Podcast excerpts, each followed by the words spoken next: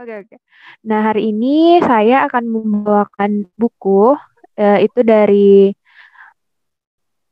M. Quraisy Shihab yang berjudul Perempuan.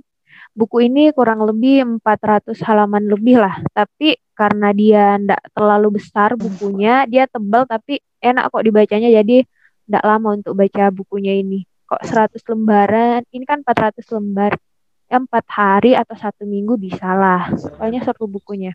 Ini sendiri itu terbit tahun 2018. Itu penerbitnya Lentera Hati.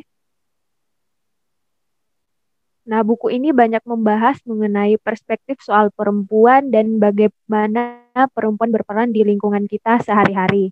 Nah, untuk slide pertama ini, itu kita membahas mengenai lelaki dan perempuan. Nah, satu kutipan dari buku ini yang menurut saya sudah mewakili, yaitu bahwasanya perbedaan-perbedaan yang ada itu dirancang Allah Subhanahu wa taala agar tercipta kesempurnaan kedua belah pihak karena masing-masing tidak dapat berdiri sendiri dalam mencapai kesempurnaan tanpa keterlibatan yang lain. Nah, di sini lelaki dan perempuan diciptakan itu dengan kodratnya masing-masing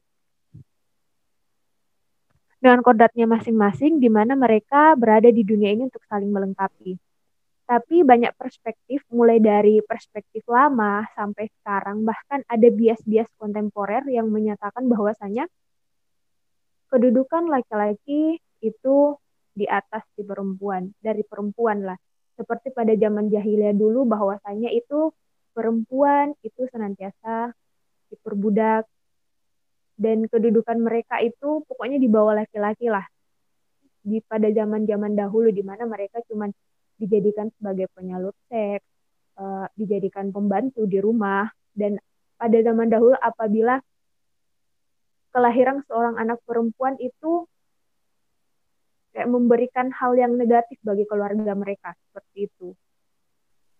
Nah, bias-bias ini semakin hari semakin uh, semakin hari itu bias-biasnya mulai mulai mulai uh, apa terminimalisir lah dengan pandangan-pandangan baru, perspektif baru dari berbagai ilmuwan dan sebagainya, juga berbagai perspektif lain. Nah, pada zaman sekarang ini kedudukan perempuan dengan adanya HAM pada tempatnya tersendiri, yaitu mereka sudah mempunyai kedudukannya dalam baik itu dalam hal pekerjaan, lingkungan masyarakat maupun di rumah tangga. Nah, yang pertama kita bahas bagaimana perempuan mencapai kesetaraannya dalam kehidupan sehari-hari, khususnya dalam hal berkeluarga.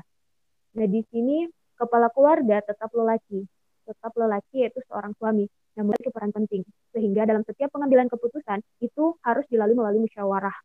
Nah, dari musyawarah inilah peran dan suara perempuan itu mulai dihargai oleh lelaki atau suami. Nah, di situ setelah kita mengenal adanya HAM, hak asasi manusia, peran-peran perempuan, suara-suara perempuan sudah mulai didengar. Zaman sekarang modern ini juga sudah banyak pemimpin-pemimpin kita yang perempuan. Di mana salah satu pemimpin atau presiden kita yang salah seorangnya perempuan yaitu Megawati. Menteri-menteri sudah beberapa itu perempuan. Nah, dahulu kala perempuan itu tidak bisa dibilang tidak mempunyai peluang untuk mendapatkan peran-peran tersebut dikarenanya pandangan-pandangan remeh terhadap perempuan pada zaman dulu itu sebelum kita mengenal adanya hak asasi manusia di situnya. Dan oleh karenanya di buku Quraisy ini menyatakan bahwasanya keadilan untuk perempuan dan lelaki itu dicapai sesuai dengan kodratnya masing-masing, sesuai sifatnya.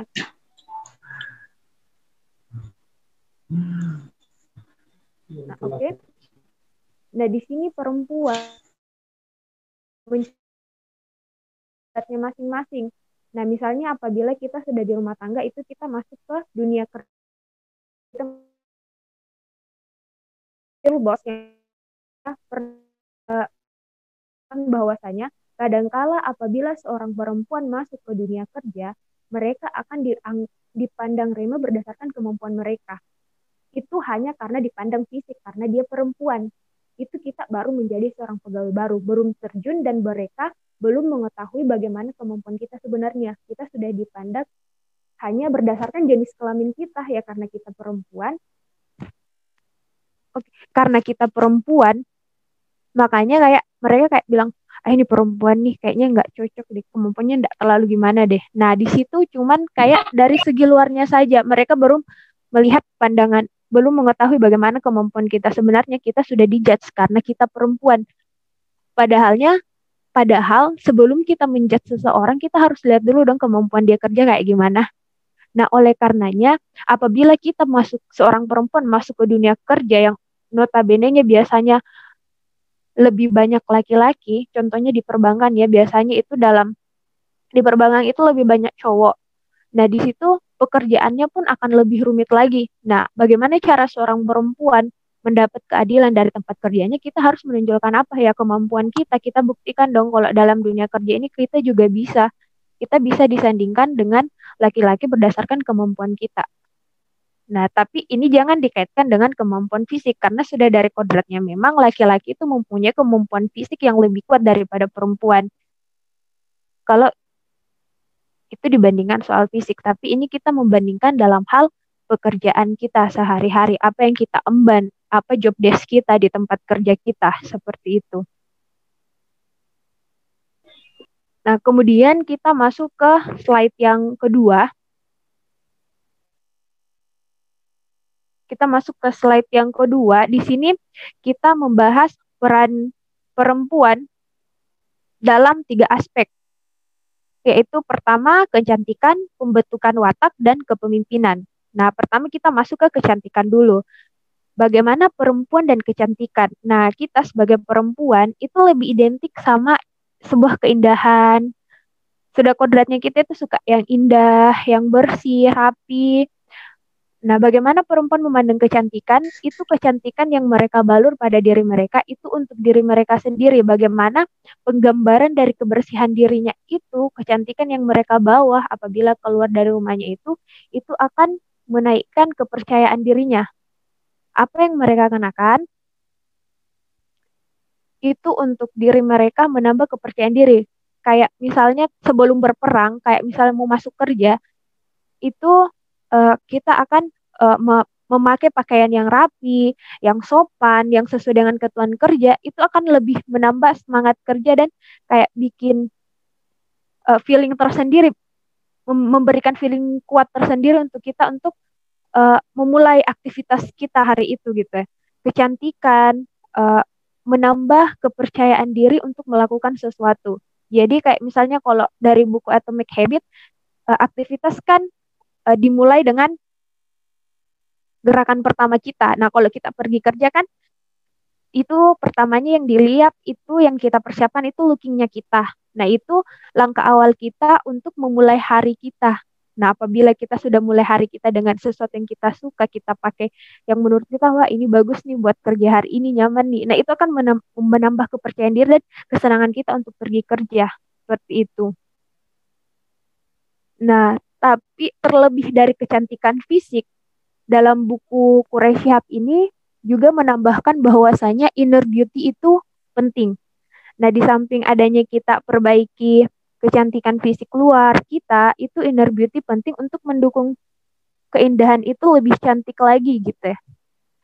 Karena di sini agama Islam itu menganjurkan kita untuk memadukan keduanya, keindahan jasmani kita dan keindahan keindahan rohani kita. Nah, di mana inner beauty kita itu? Nah, di mana keindahan yang bersumber dalam diri itu juga akan menambah nilai plus untuk keindahan luar kita. Inner beauty dan keindahan jasmani itu menambah nilai plus bagi seorang perempuan. Nah, selanjutnya kita masuk ke perempuan dan pembentukan watak. Peran perempuan dalam pembentukan watak itu sangat berperan penting, di mana perempuan adalah madrasah pertama untuk anaknya.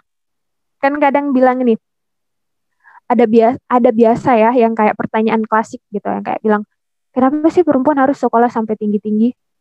Kayak biasa kalau misalnya kita sudah mau ambil S2, kadang dibilangin, kamu jangan ambil S2 lagi, nanti ndak ada mau ndak ada laki-laki loh yang mau datang ngelamar karena terlalu tinggi pendidikannya gitu kan. Nah, kalau kita kembali ke situ, ke, ke pertanyaan itu kita kembali ke buku Quraisyab yang menyatakan bahwasanya pembentukan watak seorang anak dipengaruhi oleh empat hal. Ayah, ibu, lingkungan, dan apa yang dia baca. Dan, dan siapa madrasah pertama anak dan siapa yang mengomong pertama anaknya itu ibu. Pendidikan pertama itu didapat dari ibunya. Oleh karenanya, seorang ibu sebelum dia memberikan pendidikan kepada anaknya, dia juga harus mendidik dirinya sendiri dulu dong. Pasti kayak pengetahuan yang akan kita berikan kepada anak kita apa kalau kita tidak belajar juga. Kita harus mempunyai bekal, untuk bekal itu kita berikan nanti kepada anak kita. Oleh karenanya, bagaimana perempuan itu harus memiliki pengetahuan yang menjadi bekalnya nanti untuk pembentukan watak anaknya itu. Karena dari empat faktor yang sangat mempengaruhi pembentukan watak, menurut saya dari empat itu yang paling berpengaruh adalah ibu. Karena sang anak sudah berada dalam kandungan ibu sebelum melihat dunia itu sudah sembilan bulan sebelum melihat dunia dan setiap pergerakan psikologi emosi seorang ibu itu berpengaruh terhadap janin. Dan dari situ apa yang dibaca dan apa yang kita lakukan selama kita hamil itu dapat mempengaruhi proses kelahiran karena itu mempengaruhi psikologi kita.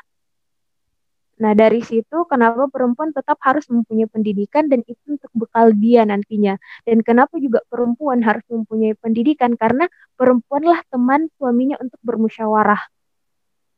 Dan peran perempuan juga ada dalam masyarakat. Di mana kalanya bahwa perempuan ada itu setengah manu, setengah orang di dunia itu setengah masyarakat, setengah masyarakat itu perempuan Nah, kalau kita mengesampingkan perempuan, berarti setengah orang di masyarakat ini tidak mempunyai peran dalam dunia. Kita sudah mengesampingkan setengah sumber daya manusia yang ada kalau kita mengesampingkan perempuan. Karena setengah dari masyarakat itu perempuan. Oleh karenanya, sebagai perempuan, kita juga harus memiliki pengetahuan untuk peran kita dalam masyarakat, peran kita dalam tempat kerja, tempat kerja kita bagi kita yang bekerja dan peran kita dalam khususnya rumah tangga kita, yaitu bersama suami dan anak kita nantinya. Nah, kemudian karena kita sudah menyinggung soal peran perempuan, kita akan masuk ke peran perempuan sebagai pemimpin atau dalam kepemimpinan. Dalam hal ini, dalam keluarga, suami sebagai seorang pemimpin utama. Suami memimpin istri dan istri memimpin anak-anaknya. Apabila suami tidak ada di rumah kan, kan kalau suami itu kan dia cari nafkah. Nah di situ siapa yang berperan sebagai pemimpin untuk anak-anaknya di rumah yaitu perempuan. Di beberapa tempat, misalnya di unit-unit atau kepala cabang di suatu tempat itu juga ada perempuan di sini menunjukkan bahwasanya era modern sekarang ini perempuan dengan pengetahuannya sudah dapat menduduki tempat-tempat yang memiliki peran penting dalam masyarakat. Peran-peran kecil di rumah tangga pun dia tetap pemimpin. Dia memimpin anak-anaknya apabila suaminya keluar untuk bekerja. Terlebih lagi apabila telah masuk di, di ranah perkantoran atau tempat kerja ataupun masyarakat. Di masyarakat pun di organisasi-organisasi ibu-ibu yang biasanya itu yang kayak majelis taklim, apa itu kan di situ sudah ada satu kepemimpinan seperti ketua majelis taklimnya itu sudah ada kepemimpinan kepemimpinan perempuan di situ, sudah ada pengaruh lebih dia di situ. Oleh karenanya dalam hal ini perempuan dari segi kecantikannya, fisiknya dan rohaninya, jasmani dan rohaninya, yeah dari segi pengetahuannya itu mempengaruhi untuk pembentukan watak dan menjadi bekalnya nanti untuk terjun ke masyarakat apabila dalam bersosialisasinya itu. Nah, dari sini dari buku ini uh, satu kalimat yang saya ingat dan termasuk yang ngena gitu yang pas saya baca itu salah satu kutipan yang mengatakan bahwasanya dengan pengetahuan perempuan dengan pengetahuannya itu perempuan dengan kelembutan dengan kelembutannya itu menyentuh uh, itu dengan kelembutannya menyentuh menyentuh rohaninya laki-laki dan dengan pengetahuannya dia menyentuh nalarnya laki-laki. Nah, di sini dua hal itu hal itu yang menurut saya ngena banget pas saya baca buku Quraisyab ini. Nah, mungkin itu sedikit pemaparan dari saya pengantar malam ini. Saya kembalikan ke moderator. Terima kasih.